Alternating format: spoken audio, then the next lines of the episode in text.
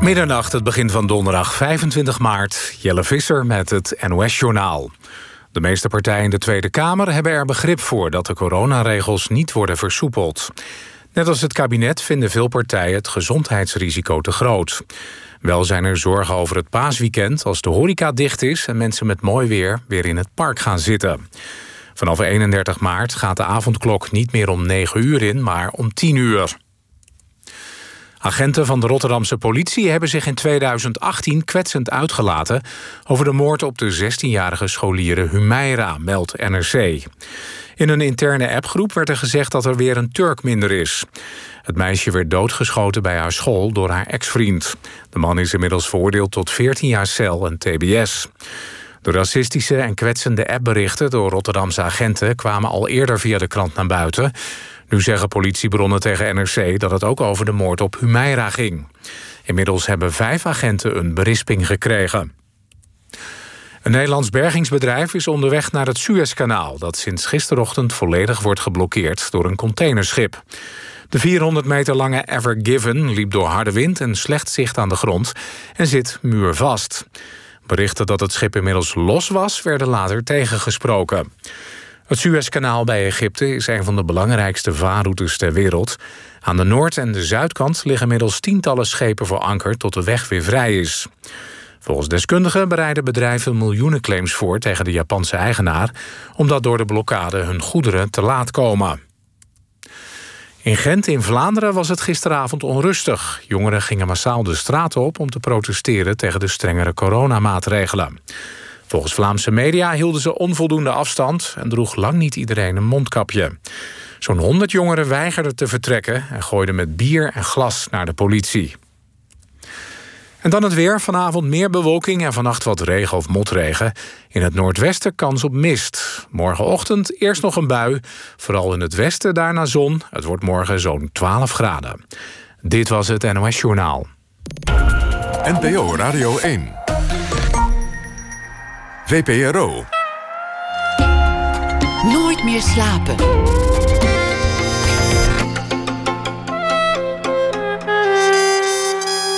Met Pieter van der Wielen. Goedenacht en welkom bij Nooit meer slapen. Vannacht is een bijzondere nacht, want tegenover mij zit de nieuw benoemde Denker des Vaderlands. Illustere voorgangers had hij. Hans Achterhuis, René Gude, Marlie Huijer, Daan Rovers, René ten Bos. En de komende jaren is het Paul van Tongeren die de eervolle titel mag dragen. Paul van Tongeren, emeritus hoogleraar in Nijmegen, geldt als een kenner van het werk van zowel Aristoteles als Nietzsche. Aristoteles die geloofde in deugden, een filosoof van de oudheid. En Nietzsche die geldt als de hoge priester van het nihilisme, de filosoof van de moderne tijd. Zie die twee maar eens door één deur te krijgen. Eerdere denkers uit het rijtje van de denkers des vaderlands profileerden zich de laatste maanden als tegendenkers en dwarsdenkers in het coronadebat. Maar Paul van Tongeren heeft al laten weten dat hij andere plannen heeft. Hij wil afstand nemen. Hij wil zich de komende jaren bezighouden met betekenis. Paul van Tongeren werd geboren in 1950. Welkom. Dankjewel. Dank dat je gekomen bent. Heel graag.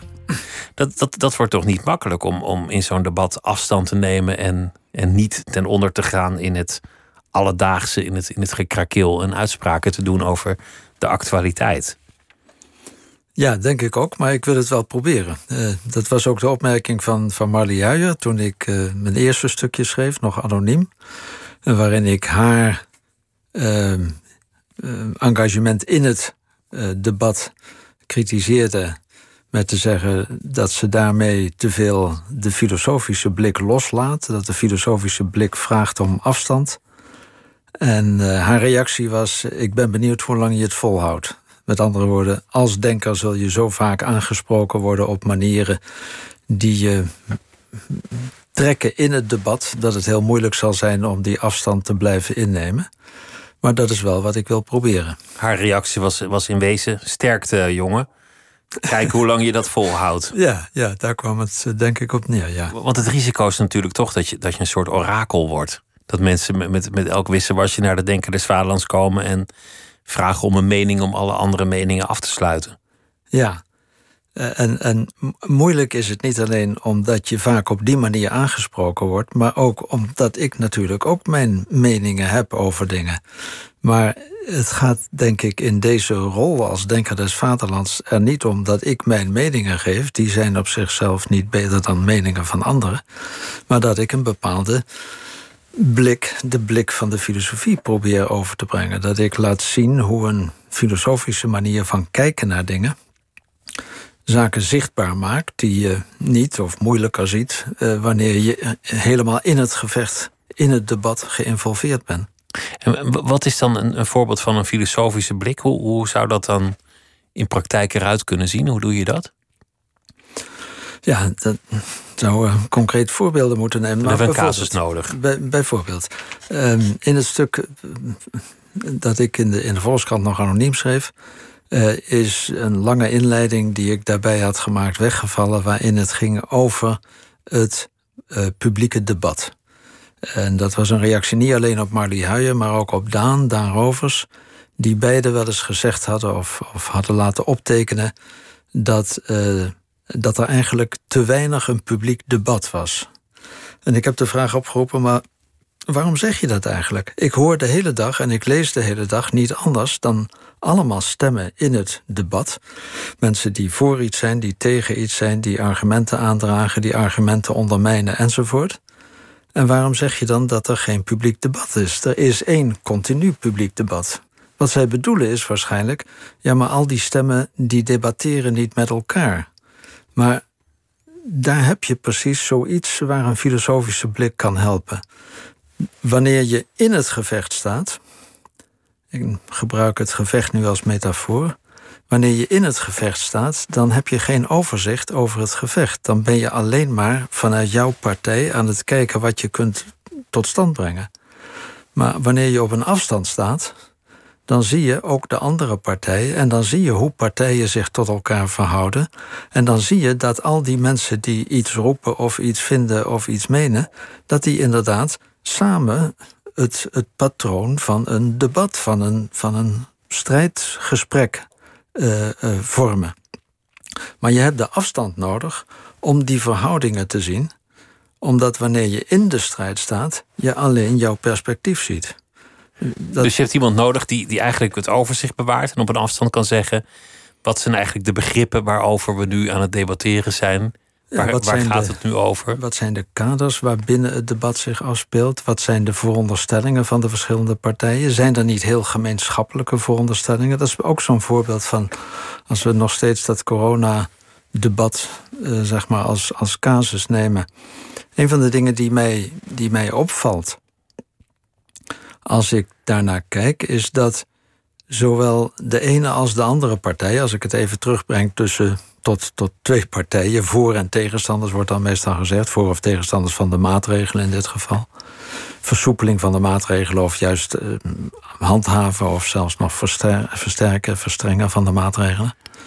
Als ik kijk naar die, naar die partijen, dan valt mij onder andere op, denk ik, dat ongeduld een kenmerk is van beide partijen. Het gaat over haast. Het moet snel. Het moet, we hebben haast. We kunnen niet meer wachten. Uh, er is een groot ongeduld aan, aan beide kanten. Er moet zo snel mogelijk gevaccineerd worden. Er moet zo snel mogelijk. En als wij lang moeten wachten, dan moeten we op zijn minst te horen krijgen tot hoe lang we moeten wachten. Zodat we kunnen alleen nog maar wachten als we ook weten wanneer het wachten voorbij zal zijn. Nu, die, die haast en dat ongeduld, is denk ik een kenmerk dat je over het hele veld verspreid ziet. De partijen staan tegenover elkaar, maar delen hetzelfde ongeduld. Dat is toch ook wel begrijpelijk, want ik, ik deel het ook wel als ik, als ik zie hoe snel of niet snel het prikken gaat. Als ik, als ik merk hoe lang het duurt dat winkeliers, horeca-ondernemers geen omzet hebben en, en hoezeer het water ze aan de lippen komt te staan, dan, dan is het wel logisch om ongeduldig te zijn en haast aan de dag te leggen. Eh, eh, helemaal mee eens. Dus als ik dit soort dingen zeg, zeg ik ook niet dat ik daar niet door gekenmerkt word. Zie je, ik probeer je nu dat debat in te sleuren. juist daar waar je weg probeert te blijven. Nee, maar ik, ik erken natuurlijk dat, dat ik zelf ook in dat veld sta. En dat dat, dat, dat datzelfde ongeduld voor mij ook heel herkenbaar is. Om een ander voorbeeld te geven. Het is een soort, als je naar dat, naar dat gevecht kijkt, naar het debat kijkt, naar de, naar de maatschappelijke situatie kijkt, dan zie je een eigenlijk heel vreemde, opmerkelijke fascinatie in cijfers. We hadden dat een paar jaar geleden toch niet kunnen denken. Dat wij elke dag zouden bijhouden wat de stand van de R is. We een paar jaar geleden wisten we niet wat, wat R was. Precies. En, en, en nu, van dag tot dag kijken we wat de R is. Of van dag tot dag gaan we om kwart over drie of half vier even kijken naar wat uh, het, het aantal van de nieuwe besmettingen is. Dat, dat is iets heel merkwaardigs. En enerzijds zie ik dat door afstand te nemen, dat is toch iets merkwaardigs wat we aan het doen zijn.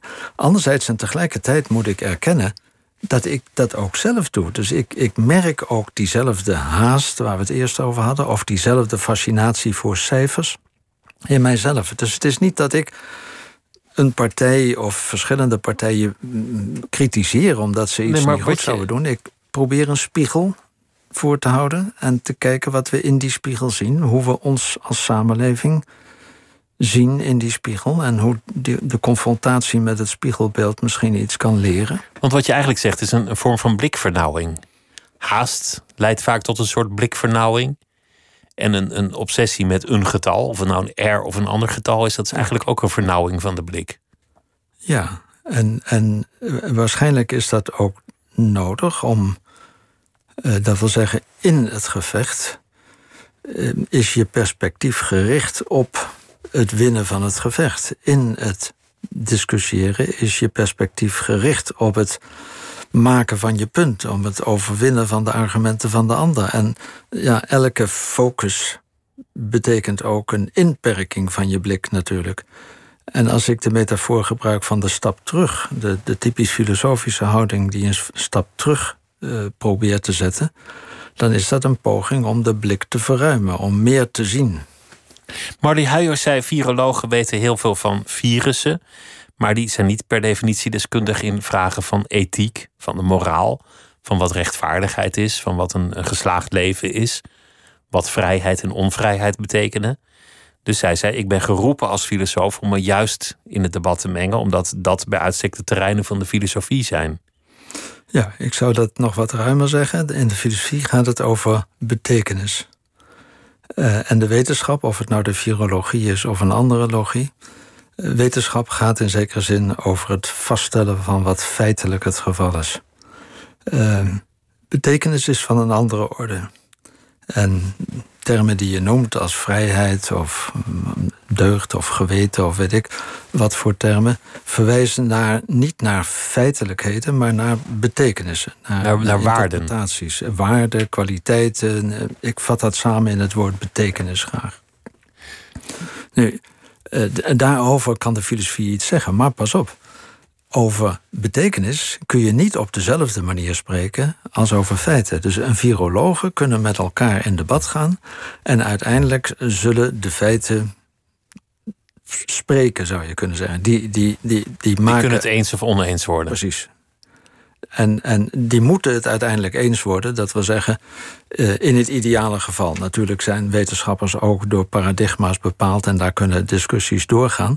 Maar uiteindelijk kun je zeggen, een, een, een wetenschapper stelt uiteindelijk iets vast en kan aan de werkelijkheid laten zien dat een theorie wel of niet klopt. Beetje, beetje simpel gezegd. Als het gaat over betekenis, over wat goed of slecht is, of mooi of lelijk, gaat dat niet. Dat wil zeggen, daar is geen geen waarheid vast te stellen. Daar is alleen maar een soort permanente discussie of een permanent gesprek mogelijk tussen verschillende interpretaties. En dus spreekt de filosoof, als hij over betekenissen spreekt, op een andere manier, denk ik, dan de wetenschapper, die over feiten iets vaststelt, iets registreert. Kunnen we het over betekenis nooit eens worden? Over, over bijvoorbeeld dat een mensenleven waardevol is. Of, of over bepaalde morele deugden, dat die, dat die heilig moeten zijn. Je zegt eigenlijk een betekenis, daar kunnen we het niet over eens worden. Alsof je zegt een betekenis is per definitie subjectief. Nee, ik zeg niet dat we het er niet over eens kunnen worden. ik zeg dat we nooit kunnen vaststellen of we gelijk hebben. Er is geen, geen objectieve waarde die zegt, zie je, het klopt. Het is niet, dus een betekenis vereist altijd een interpretatie. Alleen voor een interpretatie verschijnt een betekenis op een bepaalde manier. Wij interpreteren de werkelijkheid en zien daardoor betekenissen.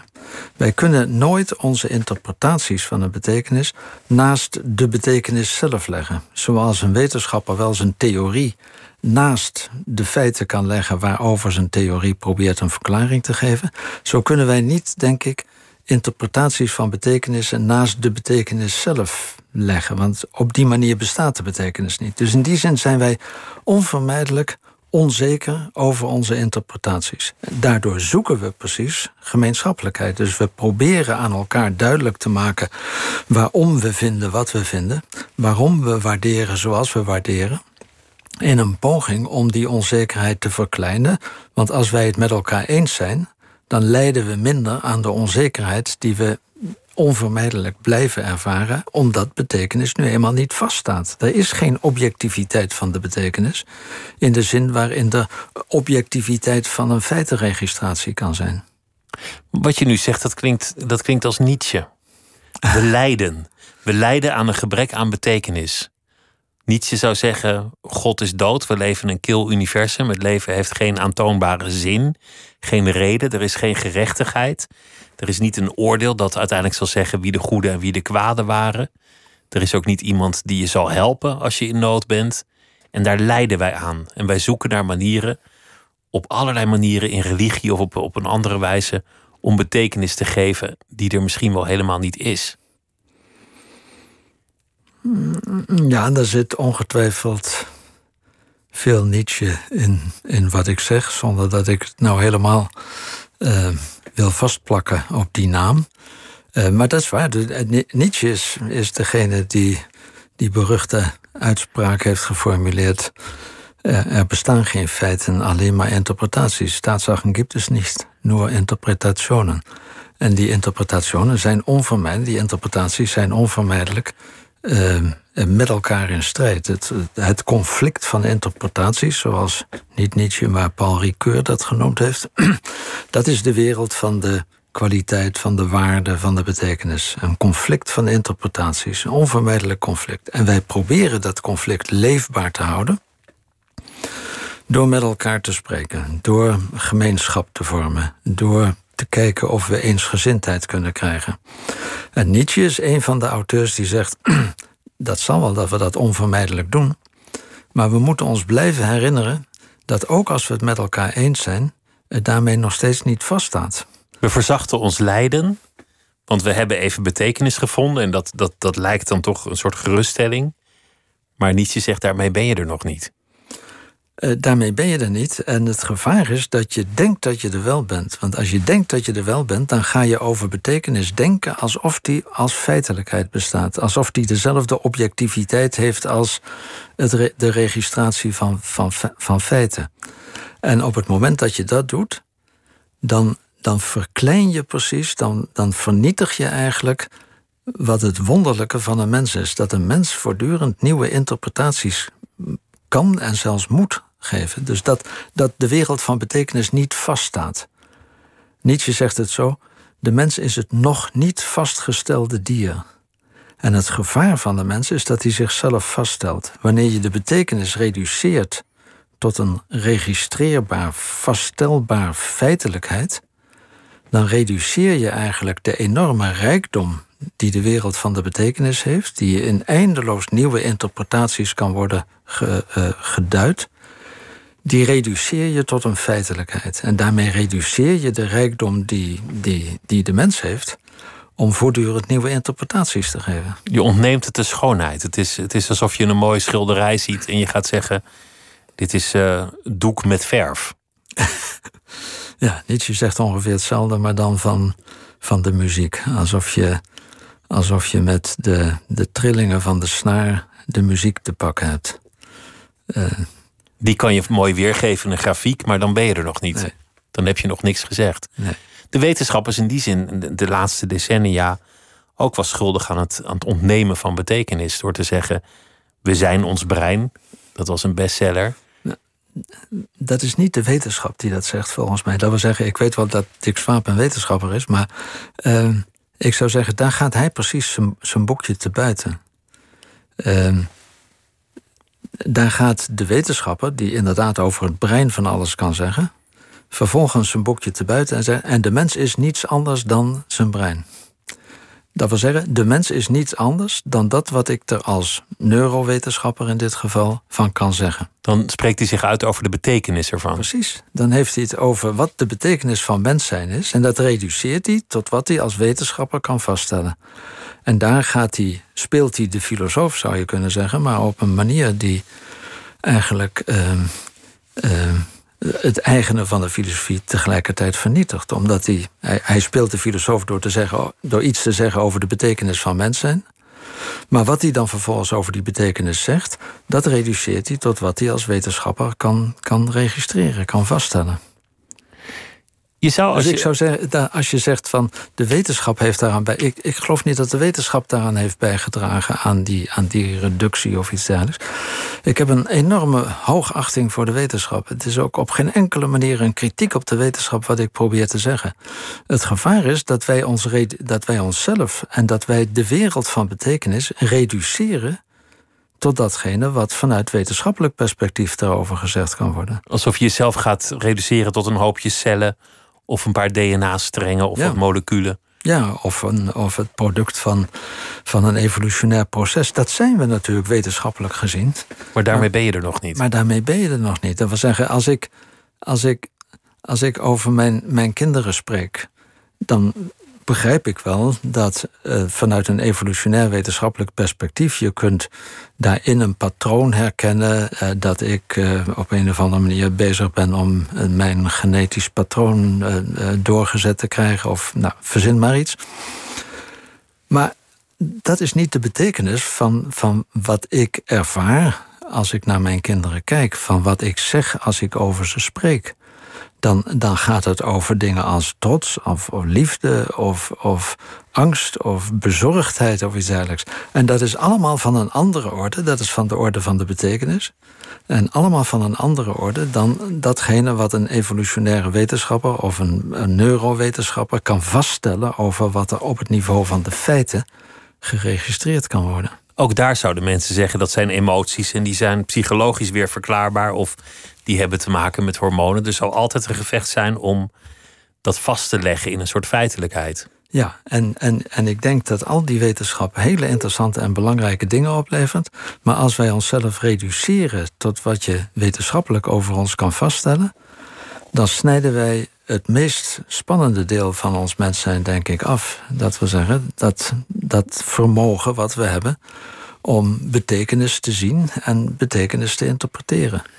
Nou, nou kan je alles wat je wil zeggen in je leven aan de hand van Nietzsche doen. Er is altijd wel een citaat ergens vandaan te plukken dat je zal helpen. Het gekke is dat Nietzsche aan de ene kant zegt: mensen zullen betekenissen zoeken, mensen zullen troost zoeken voor die zinloosheid, voor dat nihilisme. Aan de andere kant, als je het gevonden hebt, dan, dan, dan, straft hij het ook af. Hij wil er niks mee te maken hebben. Hij zou denk ik over, over, over het COVID-beleid zeggen dat het allemaal pogingen zijn om een soort reden, richting en, en zin te geven aan iets wat eigenlijk feitelijk heel erg willekeurig is. Ja, ik weet niet of hij het op die manier zal zeggen, want daar zit ook een soort reductionistische uh, uh, patroon in als je zegt: het is eigenlijk alleen maar dit. En dat is precies de taal van het reductionisme, wat. Waar Nietzsche niet van houdt. Nietzsche, denk ik, probeert te vermijden en wat ik in ieder geval ook wil proberen te vermijden. Maar hij zou het wel Ehm, diagnostiseren. Ik denk dat Nietzsche noemt zichzelf de, een arts van de cultuur. En, en hij is vooral een arts niet zozeer in de zin dat hij geneest, maar in de zin dat hij de diagnose stelt. Wat toch ook de eerste en belangrijkste taak van een arts is.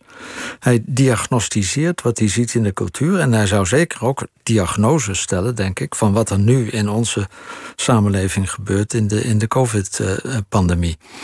Uh, ik weet niet wat hij daarvan zou zeggen natuurlijk. Ik kan niet namens Nietzsche spreken. Maar ik denk dat hij inderdaad zou, uh, het zou verbinden met uh, het, het... Een van de grote problemen die hij iedere keer aanduidt... is dat de mens niet... Ehm, dat de mens weliswaar kan lijden... maar dat hij niet kan lijden op een manier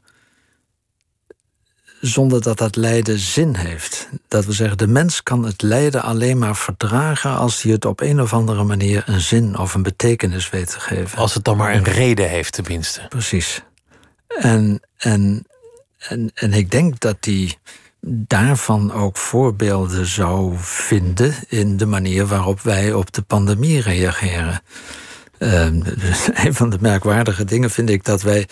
Dat het is niet alleen Trump die, die, die sprak over het China-virus, het Chinese virus, maar, maar wij doen eigenlijk hetzelfde. We hebben het over de Braziliaanse variant en de Zuid-Afrikaanse variant en de Britse variant. En waarom doen we dat eigenlijk? Dat we het iedere keer als het ware vastmaken aan iemand, of in dit geval aan een groep, een natie, een land ergens die we daarmee als het ware de schuld kunnen geven. Uh, de hele discussie over de maatregelen, of maatregelen zinvol zijn of niet, worden heel vaak getrokken ook in termen van dat, dat, dat iemand de schuld is van, of dat een instantie, dat de regering. RIVM of Hugo de Jonge. Of... Precies, ja. Uh, dat zijn manieren, denk ik, waarop het lijden uh, geduid wordt, waarop we proberen aan dat lijden en zin, het van de zinloosheid en de absurditeit weg te nemen. En, en het op een of andere manier een plek te geven in een plan wat er is. Dat iemand iets met ons wil, of dat een instantie iets ten aanzien van ons probeert. Dat zijn patronen van zingeving. En Nietzsche zal zeggen: het is een een patroon wat, waar, je, waar je iets in kunt herkennen. Want waarom wil iemand een ander de schuld geven om zelf ergens tegen te kunnen? Dat betekent dat hij niet krachtig genoeg is om het op zichzelf op te nemen. Of dat hij niet krachtig genoeg is om het lijden te ondergaan zonder dat hij het ergens aan iemand of iets kan toeschrijven. Dat je zegt het is het lot. Ja, nou ja. Of toeval. Maar het lot kan ook weer allerlei betekenis hebben. Het lot als een soort hoger lot, als een hogere bestemming. Dat zou ook weer een versie daarvan zijn. Maar als iets wat, wat simpelweg gebeurt, omdat het nou eenmaal gebeurt. Wat zonder zin, wat zonder reden is, maar wat nu eenmaal gebeurt. Shit happens, zeggen de Amerikanen dan. Ja, ja, ja. Je, je had het over ongeduld. En, en als je het over ongeduld hebt, dan kom je al vrij snel terecht in de wereld van de deugden geduld is iets dat je je kan aanleren, iets dat je kan trainen. Iets waarin je jezelf kan bekwamen. Ja, dat is niet makkelijk trouwens. Nee, dat is ook niet mijn sterkste punt, moet ik er eerlijk bij zeggen. Nee, maar het is, een, het is een, inderdaad een uh, geduld is een deugd die mij fascineert. Misschien ook wel omdat ik er zelf ook heel slecht in ben. Um, maar het is iets wat, wat, waar ik opnieuw over ben gaan denken, ook door te kijken naar de samenleving op dit moment. Want dat is een van de dingen die opvalt inderdaad... dat, dat alle partijen in het hele debat... allemaal door een soort ongeduld gekenmerkt lijken te worden. Het moet allemaal snel, het mag niet te lang duren... En vooral ook, vond ik heel merkwaardig, als het lang duurt, dan moeten we tenminste weten tot hoe lang het duurt. Want we kunnen niet wachten als we niet, als we niet weten wat het einde van de wachttijd is. Uh, en, en dat vind ik merkwaardig. Uh, en daarin zie je iets uh, van ongeduld. En je ziet, je ziet dat ongeduld inderdaad een soort onvermogen om te wachten is. Het, het, ik ben geneigd om na te denken dan over. Maar wat, wat, wat is eigenlijk wachten dat we dat zo moeilijk vinden? Is, is het een afkeer van het heden, ongeduld? Is, is dat dat je, dat je het nu gewoon niet onder ogen wil zien of, of niet kan leven met de plek waar je bent? Ja, afkeer, maar vooral ook onvermogen inderdaad om, om, om nu aanwezig te zijn. Ik, het is een, een als ik een, een, een, voorbeeld mag noemen wat al, al lang geleden gebeurd is, ik heb daar lang geleden al over geschreven, maar dat fascineert mij nog steeds. Ik werkte in de tijd dat ik nog, uh, nog uh, op de universiteit was... Uh, in een gebouw van, van 20 verdiepingen hoog. En ik zat op een van de hoogste verdiepingen, op de 17e verdieping. Dat betekent onvermijdelijk dat je regelmatig met de lift moet... als je beneden moet zijn. In dat gebouw waren de collegezalen op de eerste en tweede verdieping. Dus als ik van mijn kamer op de 17e naar het collegezaal moest, dan ging ik met de lift. Dat wil zeggen, dat wilde ik, maar dat was altijd eindeloos wachten. Waarom? Omdat studenten die van buiten kwamen, die gingen van de begane grond naar de eerste en van de eerste naar de tweede. En die liften gingen maar heen en weer in die tijd tussen die eerste drie verdiepingen. En ik stond boven maar te wachten. En ik ergerde me altijd verschrikkelijk, ongeduldig als ik ben. Totdat ik een keer een gastspreker uh, had. We hadden eerst een kop koffie gedronken op mijn kamer. Toen gingen we naar de collegezaal. En daar stonden we weer te wachten op die zeventiende verdieping, omdat er weer geen lift kwam. En ik verontschuldigde me bij mijn, bij mijn gasten. En ik zei dat me dat altijd zo ergerde. En toen zei hij: Eigenlijk zijn dit de mooiste momenten van de dag. Wat Wachten op een lift. Wachten op een lift of wachten. Je kunt ook andere, je kunt ook wachten op een stoplicht en zo. Maar uh, nu, nu kunnen we niks anders dan gewoon wachten. Dus dit is nou vrije tijd, zei hij. Nu kan je denken aan wat je maar wil. Je hoeft niks, want je kunt niks. Dit is nou vrije tijd. Nou, het is een beetje extreem, maar hij zei, en dat is mij altijd bijgebleven. Dat is inderdaad wat, wat ik, dat toont wat ik aan het doen was. Wat ik aan het doen was, was precies de mogelijkheid die ik had om daar gewoon mijn gedachten te laten gaan, of te praten met iemand, of wat dan ook wat je op dat moment kunt doen dat maakte ik voor mezelf onmogelijk.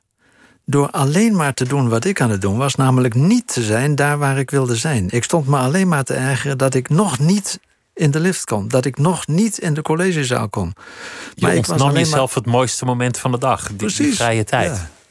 Nu, dat, en, en ik denk inderdaad dat eh, wachten is, is zo moeilijk omdat wij wachtend gericht zijn natuurlijk op, op iets. Dat het stoplicht groen wordt of dat de lift komt of wat je ook maar wil noemen. Dat de, de pandemie voorbij is, dat we genoeg... Uh, maar als we alleen maar op die manier wachten van nog niet te zijn waar we willen zijn... dan zijn we dus eigenlijk alleen maar volstrekt afwezig. Want we zijn met onze gedachten al daar waar we willen zijn... Maar vervolgens moeten we iedere keer weer constateren, en we zijn er niet. Je hoort ook veel mensen dat zeggen. Deze maand is verloren, het voorjaar van 21 is ook al weg. Nou, de zomer gaat eraan. Ja, dus dat, ja, je, maar, maar je maakt die afwezigheid zelf op die manier. Door alleen maar op die negatieve manier nog niet te zijn daar waar je eigenlijk wil zijn en te vergeten waar je bent op dat moment. En uitgaan van een bestemming, terwijl we weten wat de bestemming uiteindelijk zal zijn. Kan, kan de filosofie ons helpen op die manier om onszelf te trainen, om, om beter te leven? Uh, daar ben ik eerlijk gezegd heel.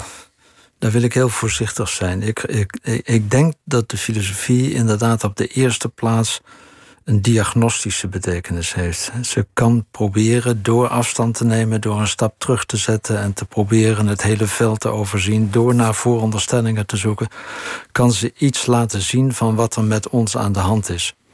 En ik denk dat dat, die, die blik op onszelf, die zelfkennis, maatschappelijke zelfkennis, samenlevingszelfkennis, dat dat het begin is van misschien iets als genezing, als je in termen van ziekte blijft spreken. Dus, maar, maar, maar het is alleen maar het begin daarvan. Dus de, de, de therapie voorschrijven. Ik ben bang dat filosofie heel gauw een soort self-help uh, handboek uh, gaat worden wanneer ze dat gaat proberen. Uh, natuurlijk de gerichtheid op een therapie moet er zijn. Want we zijn geïnteresseerd om gezond te worden. We zijn geïnteresseerd om vrij te worden, om gelukkig te worden enzovoort. Om goed te leven. Om goed te leven. Mogen. Maar ik denk dat je niet te gauw moet denken dat je kunt zeggen hoe dat dan moet. Maar er zijn wel dingen te zeggen. Als het bijvoorbeeld gaat over geduld. Om maar dat voorbeeld te nemen. En deugden zijn, denk ik. Uh, zijn kwaliteiten, zijn houdingen eigenlijk die door oefening tot stand gekomen zijn. Nou, je kunt dingetjes doen, denk ik, om te proberen langzamerhand een beetje geduldiger te worden.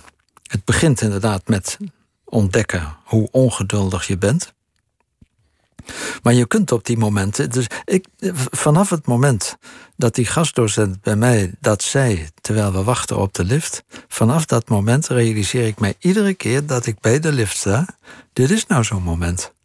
Daarmee kan ik het nog niet. Ik ben nog steeds ongeduldig en sta nog steeds te, geërgerd te wachten op, een, op een lift als het te lang duurt. Maar de diagnose is het begin is er. Het begin is er. Van als ik mij op zijn minst realiseer van dit is nou zo'n moment, je zou het ook kunnen grijpen.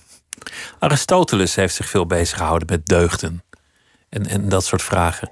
Ik vind, ik vind die combinatie van Nietzsche-kenner en Aristoteles kenner vind ik zo wonderlijk. Het, het, het lijken twee uitersten. Uh, ja, tot op zekere hoogte zijn het ook uitersten. Er zijn ook grote overeenkomsten hoor. Want als je, als je kijkt hoe. hoe uh, het viel mij een keer op dat, dat als Nietzsche het heeft over de voorname mens, de voorneemheid, dat is zo'n begrip wat hij uh, met name in zijn latere werk veel gebruikt. De voorname mens. daar geeft hij een keer een rij kenmerken van. Dat hele rijtje kenmerken, ik vond dat in de nalatenschap dat komt bijna helemaal uit wat Aristoteles zegt over wat Aristoteles de spudaios noemt. Dat is de, de, de, de goed gelukte mens, zeg maar. Dus er zijn ook heel sterke overeenkomsten. Maar het blijft staan dat, er, dat die overeenkomsten eigenlijk opmerkelijk zijn, omdat de kaders van denken van die twee, Nietzsche en Aristoteles, zo, zo totaal verschillend zijn. Daarin heb je gelijk. Een andere tijd en een andere blik, maar Nietzsche kende misschien het werk wel. En ze houden zich allebei bezig met in wezen dezelfde vragen. Nietzsche kende het zeker. Ik bedoel, hij was klassiek filoloog uh, van, van opleiding. Uh, dus hij kende Aristoteles zeker. Um, uh, maar maar hij, hij, hij vecht ook wel met de veronderstellingen van een Aristotelische filosofie. Je zou kunnen zeggen, de filosofie van Aristoteles is een orde denken. Uiteindelijk zit het allemaal goed in elkaar. Ik, ik gebruikte in colleges vaak het contrast tussen de, de eerste zin van de ethica van Aristoteles en de eerste zin van een, nou niet van Nietzsche, maar van een Nietzscheaans denker, van Albert Camus, om het contrast zichtbaar te maken. De eerste zin bij de, van de ethica van Aristoteles is: alles wat mensen doen, doen ze omwille van een of ander doel. Al die doelen zijn weer hiërarchisch geordend. Het ene streef je na omwille van het andere en zo nog hoger. En uiteindelijk is er een laatste doel want anders dan zou het allemaal zinvol, zinloos zijn. Met dan, er moet wel een laatste doel zijn, want anders zou alles zinloos zijn. En dat kan niet. Dat vindt Aristoteles evident dat dat niet kan. Er is een zin, er is een reden. Er is een orde en die orde is zinvol. Dat moet wel. Daar geeft hij geen argumenten voor, dat, dat spreekt vanzelf. Nou, de eerste zin van de, de mythe van Sisyphus van Camus is: er is maar één serieus filosofisch probleem en dat is de zelfmoord. En daarmee bedoelt hij. Het leven is absurd. De werkelijkheid is chaos. En, en het leven daarin, ons leven daarin is absurd. Dus het grote probleem is eigenlijk: waarom zijn we er nog? Dus de zelfmoord is niet het mysterie, maar waarom mensen het niet doen. Waarom mensen niet van het dak springen. Terwijl bij Aristoteles de orde altijd al voorop staat als een soort van zelfsprekendheid. Het zit allemaal goed in elkaar. Gaat uh, Camus met Nietzsche ervan uit dat het in ieder geval allemaal chaos is en zinloos. En, en dat enorme contrast, dat boeit mij enorm. En ik denk dat mij dat onder andere hierom boeit dat wij beide elementen in ons hebben. Dus als ik Aristoteles en Nietzsche steeds beide probeer vast te houden, dan is dat omdat ik denk dat wij ons, dat ik mij in ieder geval, maar ik spreek denk ik hier ook wel iets, wel namens, een, namens onze cultuur, dat wij die beide beelden in, in ons hebben. Wij dus, zijn dus je begrijpt dat, het, dat er geen zin is, dat er willekeur heerst, dat het eigenlijk allemaal nergens voor dient. En aan de andere kant zoek je naar die betekenis en is er toch ergens die overtuiging, het, het zal toch wel uiteindelijk bij elkaar komen. Ja, wij, wij zijn enerzijds door en door overtuigd van de relativiteit van alles, van de vergankelijkheid van alles, van de, van de, van de voorlopigheid van alles. En tegelijkertijd zoeken we daarin onvermijdelijk naar iets van houvast. En dat zoeken impliceert dat we veronderstellen dat er zoiets als een houvast is. Wij geloven enerzijds in de orde en zijn anderzijds doordrongen van de chaos waarin we leven. Wij geloven enerzijds in de zin en zijn anderzijds voortdurend geneigd om te zeggen: nou ja, zin is maar een creatie. Dat is ook maar een, een subjectieve interpretatie. Maar we kunnen niet helemaal zonder. We kunnen, niet zonder die betekenis. Dus wij zijn eigenlijk, wij laatmoderne of postmoderne mensen, zijn als het ware het, het contrast, de verdeeldheid tussen Aristoteles en Nietzsche, denk ik. Wie net inschakelt, Paul van Tongeren, Denker des Vaderlands, zit tegenover mij. Als ik dat conflict op jouzelf van toepassing zou achten, je, je wilde ooit geestelijker worden. Je, wil, je wilde, wat was het, priester worden? Of uh, ja. bisschop of aartsbisschop? Ik weet niet hoe ambitieus het precies was, maar je, je beginpunt in je carrière was religieus. Ja. Ja. um, dat is waar. Ik, ik denk dat, dat dat trouwens voor een belangrijk deel een kwestie is van, van een emancipatiegeschiedenis waarin waar ik zeg maar in gestaan heb. Dus, Gewoon je opvoeding en waar je vandaan kwam. Ja, dus ik, mijn, mijn, mijn vader uh, was, was onderwijzer. Mijn moeder had geen betaald arbeid. Het was een groot gezin. En, en het was dus niet, niet heel. Het was niet rijk. Het was een beetje sabbelen. En dat betekent. Het, het was niet vanzelfsprekend dat kinderen vanuit dat gezin naar een gymnasium zouden gaan en zouden gaan studeren. En een van de parcours die er waren, een van de meer voor de hand liggende parcours voor iemand die wel wilde studeren, uh, in een wereld waarin dat nog niet vanzelfsprekend was voor de standen uh, onder de hogere stand, zeg maar. Uh, was, was het seminarie. ik wil het daar zeker niet toe reduceren. Ik, ik was ook een, een heel enthousiast, fanatiek misdienaar in de kerk. En, en uh, ik, ik, nog steeds trouwens hoor. Ik, ik, ik reken mijzelf tot. Uh, als, dus ik zie mijzelf als, als lid van de katholieke kerk zelfs. Maar, maar ik ga de institutie niet verdedigen, want dat is. Maar geloof je ook echt? Ja, als jij zegt, als jij kunt uitleggen wat je daarmee bedoelt, dan kan ik zeggen ja of nee. Maar nou, denk je dat er, dat er een god is of een, of een hogere macht? Of een... Maar ook daarvan moet je dan uitleggen wat dat betekent. Dat er een god is. Wat betekent dat, dat er een god is? Kijk, als je zegt dat. Moet, moet ik dat uitleggen? Nou ja, ik zou zeggen, dat ligt aan de andere kant om dat uit te leggen. Nee, maar als jij vraagt, eh, denk jij dat, jij er, dat, dat er een god is, dan moet ik weten wat jij bedoelt met dat er een god is. Dan kan ik zeggen, ja, dat denk ik, of nee, dat denk ik niet. Ik heb dus geen als... idee, werkelijk geen idee wat we zouden bedoelen als we zouden zeggen God. Nee, Geen ik benul. Ik ook niet. Maar ik, ik, ik, ik denk dat we. Uh, dat, dat we soms God zeggen om. Uh, om, om uitdrukking te geven aan een, aan een, aan een verwondering over de werkelijkheid. Een verwondering, dat is wat mij betreft, als ik mijzelf religieus noem, dan is dat de kern van die religiositeit. Een verwondering over de werkelijkheid. Een verwondering die, die het, het wonderlijke uh, van de menselijke werkelijkheid als een werkelijkheid van betekenis kan ervaren. En die het zelfs kan ervaren als een geschenk. Dus dat, dat is wat mij betreft religiositeit. Eh, het woord dat je tegenwoordig vaak hoort is dankbaarheid. Ja, ik heb Dankbaar is, is een, bijna een, een cliché in, in veel interviews met, met Miss World-achtige types. nou, niet alleen met Miss World-achtige types. De, ik heb een boekje geschreven over dankbaarheid. Uh, waarvan de ondertitel is uh, denken, na de, denken over danken na de dood van God. Um, en eh, dus ik vind het leuk dat je dat het thema van dankbaarheid noemt. Eh, dankbaarheid heeft wat mij betreft te maken met religiositeit, maar op een manier die precies ook een beetje kan uitleggen waarom ik tegenvragen ging stellen in de zin van, maar wat bedoel je daarmee? Kijk, er zijn heel veel voorbeelden, niet alleen van Miss World-achtige types, maar ik, kan, ik heb een keer een, reeks van die dingen verzameld van, van eh, Damian de Nijs, die een uitspraak doet over hoe zijn leven getekend wordt door dankbaarheid. En dan iedere keer daar onmiddellijk aan toevoegt: ja, dat is eigenlijk een raar woord. Ik weet ook niet goed wat dat betekent, maar, um, maar ja, ik kan het eigenlijk niet anders zeggen dan in termen van dankbaarheid. Of Claudia de Breij, die met, in, in discussie ging met Arnon Grunberg en een keer sprak over dankbaarheid. En Grunberg, die het, hele gesprek, dat was zo'n zomeravondgesprek. In Handelsblad in, in NRC, ja.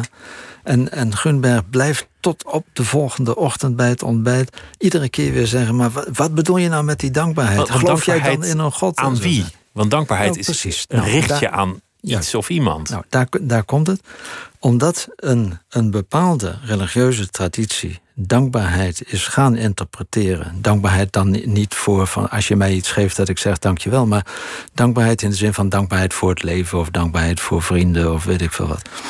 Nu, een, een religieuze traditie is die dankbaarheid die wij ervaren daar gaan duiden als we hebben dat gekregen van God en dus zeggen we dankjewel tegen God.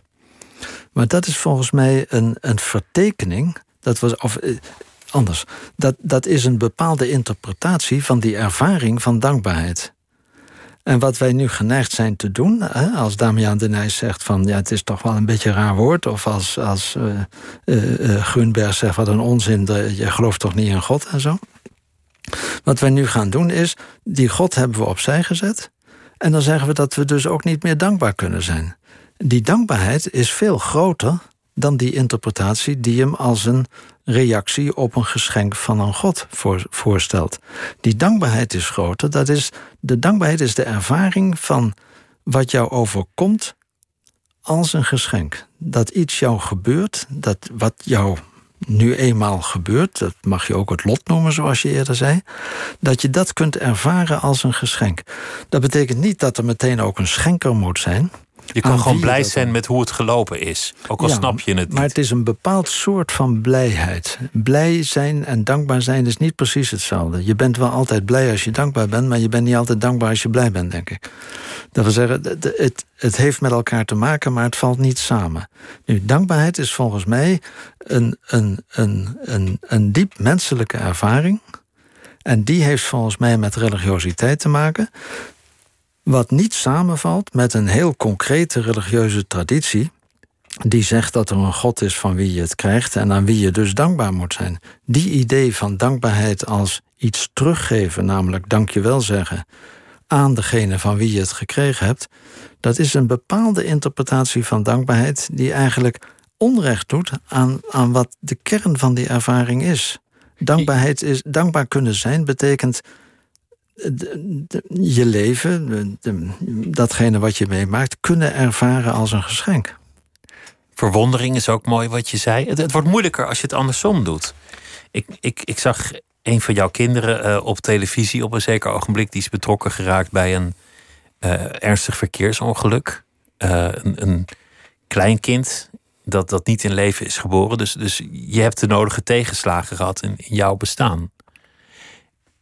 En dan wordt eigenlijk de vraag van het omgekeerde van, van dankbaarheid min of meer op dezelfde manier interessant. Hoe, hoe ga je om met tegenslag? Als je je tot niets of niemand kan richten. Als, als er geen religie is waar je, waar je troost kan vinden. Althans niet dat je echt gelooft dat er een, een schepper of een hogere macht is.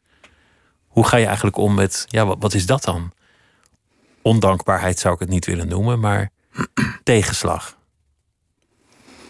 Ja, en de voorbeelden die je noemt, dus dat is, dat is ernstiger dan alleen een tegenslag. Dat is niet iets van dat het Dat is, tegen zit. Dat, dat zijn, is leed dat ik me niet eens kan, kan voorstellen. Dat zijn, ja, je, je omverwerpende ervaringen. Ik weet niet hoe ik het moet noemen. Je, van je, grond, en, en je, en je grondvesten ehm, opschuddende ehm, ervaringen. Ehm, ik denk, maar ik kan daar alleen maar heel erg voorzichtig in zijn en ik kan absoluut niet spreken voor, voor anderen. Maar ik denk dat het mogelijk moet zijn en ik denk dat ik in de literatuur hier en daar voorbeelden vind. Ik denk dat het mogelijk moet zijn om zelfs dat, om zelfs zulke ervaringen nog te kunnen interpreteren in termen van een dankbaarheid. Ik heb daar in dat boekje wat nu bij, dat, eh, bij die benoeming tot Denker des Vaderlands verschenen is, het wonder van betekenis ook uitgedaagd door de journalist die, die mij daar interviewt. Ehm, proberen te zeggen, ook in relatie tot, tot die dood van het kleinkind. Ons eerste kleinkind stierf vlak voordat het geboren werd. En ehm, toen mijn zoon, de vader van dat kleinkind, dat las, die passage, want Hij is degene die eigenlijk alles van mij altijd leest voordat het gedrukt wordt. Uh, ik vond het spannend om dat ook aan hem te laten lezen. Om daarover te zeggen dat het volgens mij mogelijk moet zijn om zelfs dat nog te ervaren. In termen van een soort van dankbaarheid. Dat is natuurlijk niet dat je er ineens blij van wordt, maar het is wel het kunnen ervaren op een manier dat je zegt: ook dat, hoe verschrikkelijk het ook is, is in zekere zin een goed. En mijn zoon zei, toen hij het gelezen had, dat het precies was zoals hij het ook destijds ervaren had toen het gebeurde. Dus dan denk ik, het is blijkbaar mogelijk. Het is blijkbaar mogelijk om, om boven het verschil tussen wat je graag hebt en wat je niet graag hebt, waar het mee zit en waar het tegen zit, waar je blij van wordt en waar je zagrijnig van wordt, om boven dat niveau van dat verschil uit te komen en te zeggen: ook het lijden, ook de ellende, hoort bij een werkelijkheid, hoort in een geheel thuis, waarvan je op een of andere manier kunt zeggen dat het goed is. Dus zoals je zei, je wordt op je, op je, je, je grondvesten die schudden. Je, je wereld wordt volledig opgeschud door, door een, een gruwelijke gebeurtenis. En toch lukt het om, om op een gegeven moment te zeggen: ja, dit maakt deel uit van een werkelijkheid. En ook dit heeft betekenis. En ook dit, dit bekijk ik met dankbaarheid. Wat, wat is dan die dankbaarheid? Nou, je zei het al, ook dit heeft betekenis. En dat boekje heet Het Wonder van Betekenis. Dat er betekenis is dat is zoiets wonderlijks. Dat, er, dat, dat de wereld kleur heeft. Dat het niet allemaal zwart-wit is. Dat het niet alleen maar van de orde van de registreerbare feiten is. Maar dat het altijd voor ons altijd al betekenis heeft. Dat is zoiets wonderlijks. En in dat wonderlijke zit wat ik net aanduidde met dat het in zekere zin nog goed genoemd kan worden. Dat het betekenis heeft. Dat, dat gaat boven het niveau van het onderscheid tussen de ene en de andere betekenis. Zowel goed als slecht zijn alle twee betekenissen. Maar dat iets betekenis heeft, dat iets zowel goed, maar ook dat het slecht kan zijn, dat is zelf een wonderlijk gegeven waar je op sommige momenten je over kunt verwonderen in een bewondering, verwondering en in een soort van dankbaarheid, denk ik. Dat, dan kom je aardig in de buurt van een soort religie zonder, zonder God we komen er niet uit wat God is. Dat hoeven we hier ook misschien niet op te lossen. Maar ik denk, ik denk dat de religie die spreekt van God en die aan God allerlei dingen toeschrijft en, en die uh, een boek hanteert waarin die God spreekt enzovoort, dat zijn, dat zijn culturele verwoordingen, vormen, uh, die gegeven zijn, denk ik, aan deze oorspronkelijke ervaring van verwondering over de werkelijkheid, over de menselijke werkelijkheid. Wij verwonderen ons over de menselijke werkelijkheid en, en uiten die verwondering op allerlei manieren, onder andere door te spreken van een God, door iets aan God toe te schrijven, door soms God te noemen. Ik las een prachtig verhaal van twee Amerikaanse filosofen die zeggen: de Grieken, als die God zeiden, dan bedoelden ze zoiets zoals wij ook zeggen: God allemachtig. Zo van de, de verwondering, een uitroep. ja, ja. Het, het boek dat je net citeerde van Camus, dat begint met de enige echt relevante vraag is die van de zelfmoord. Waarom zou je het niet doen? Die eindigt ermee, je moet je Sisyphus maar gelukkig voorstellen. Je moet je maar voorstellen dat hij gelukkig is. We moeten ons Sisyphus voorstellen als een gelukkig mens, ja. Dus je moet maar gewoon je bedenken dat dat het is, dat dit dan geluk is. Nou, je moet. Ik, zo lees ik dat niet, dat laatste zinnetje. Ik lees dat als een. Als een, als een dus ik, ik verbind dat met wat ik net probeerde te zeggen over die, die grondige verwondering. Ook Sisyphus, die eigenlijk het model is van een zinloos leven, die zijn hele leven niks anders kan doen dan wat hij nu eenmaal onvermijdelijk moet doen, namelijk een berg, een, een steen een berg oprollen, eh, waar die steen daarna weer afrolt.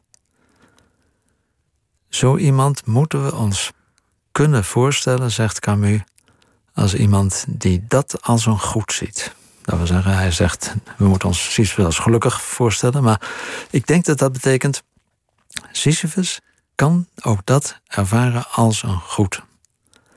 Dat is wonderlijk, dat is misschien onbegrijpelijk, maar daar zit diezelfde intuïtie in volgens mij, die ik probeerde te formuleren um, aan de hand van die andere voorbeelden. Zou, je dit alles ook kunnen doen zonder filosofie?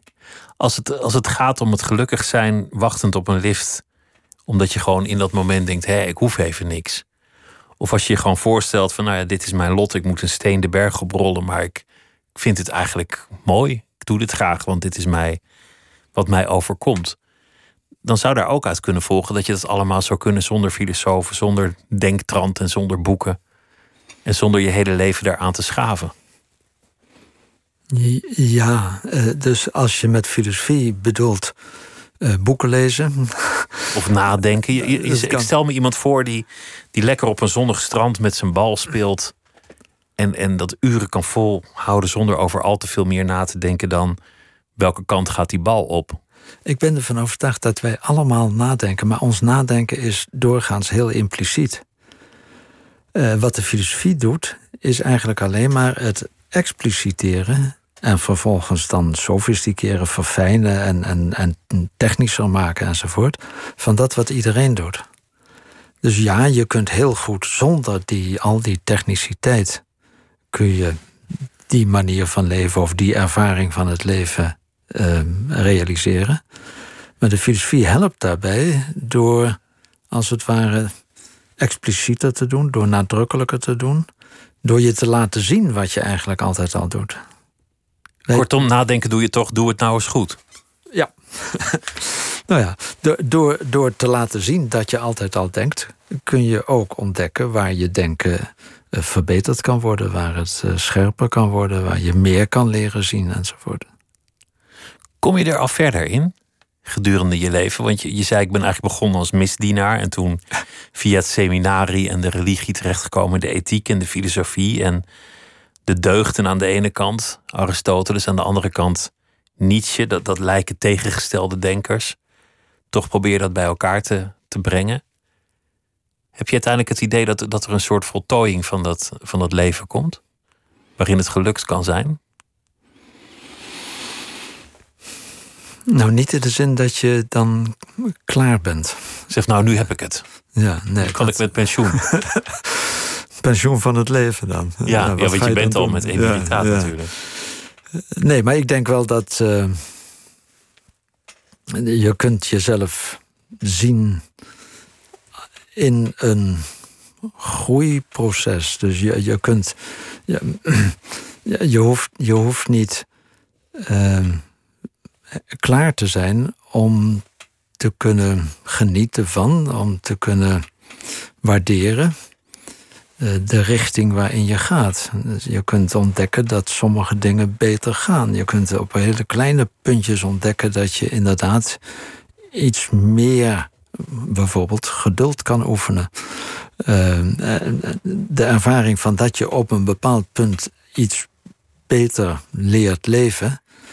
Ehm, betekent niet dat je denkt dat je klaar bent, maar betekent wel dat je kunt zeggen van het gaat goed, ik heb er iets aan je komt verder. Dat is, dat is misschien het beste wat je erover kan zeggen. Je komt wel verder zonder dat het betekent dat je dichter bij een eindpunt bent waarop je zou kunnen zeggen. Dat eindpunt is er denk ik niet. Ja, bedoel, we gaan dood een keer, dan is het einde bereikt. Maar...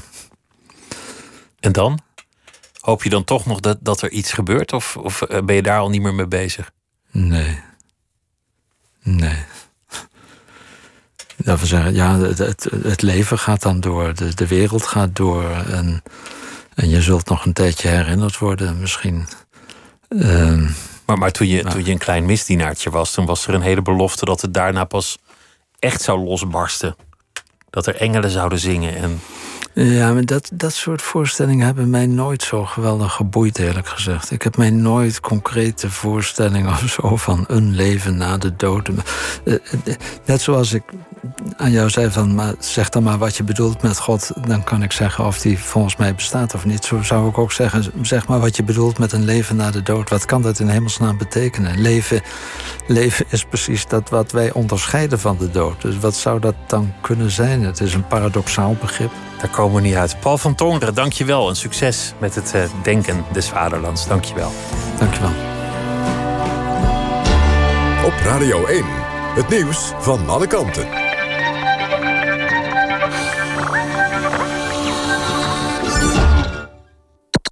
NPO Radio 1.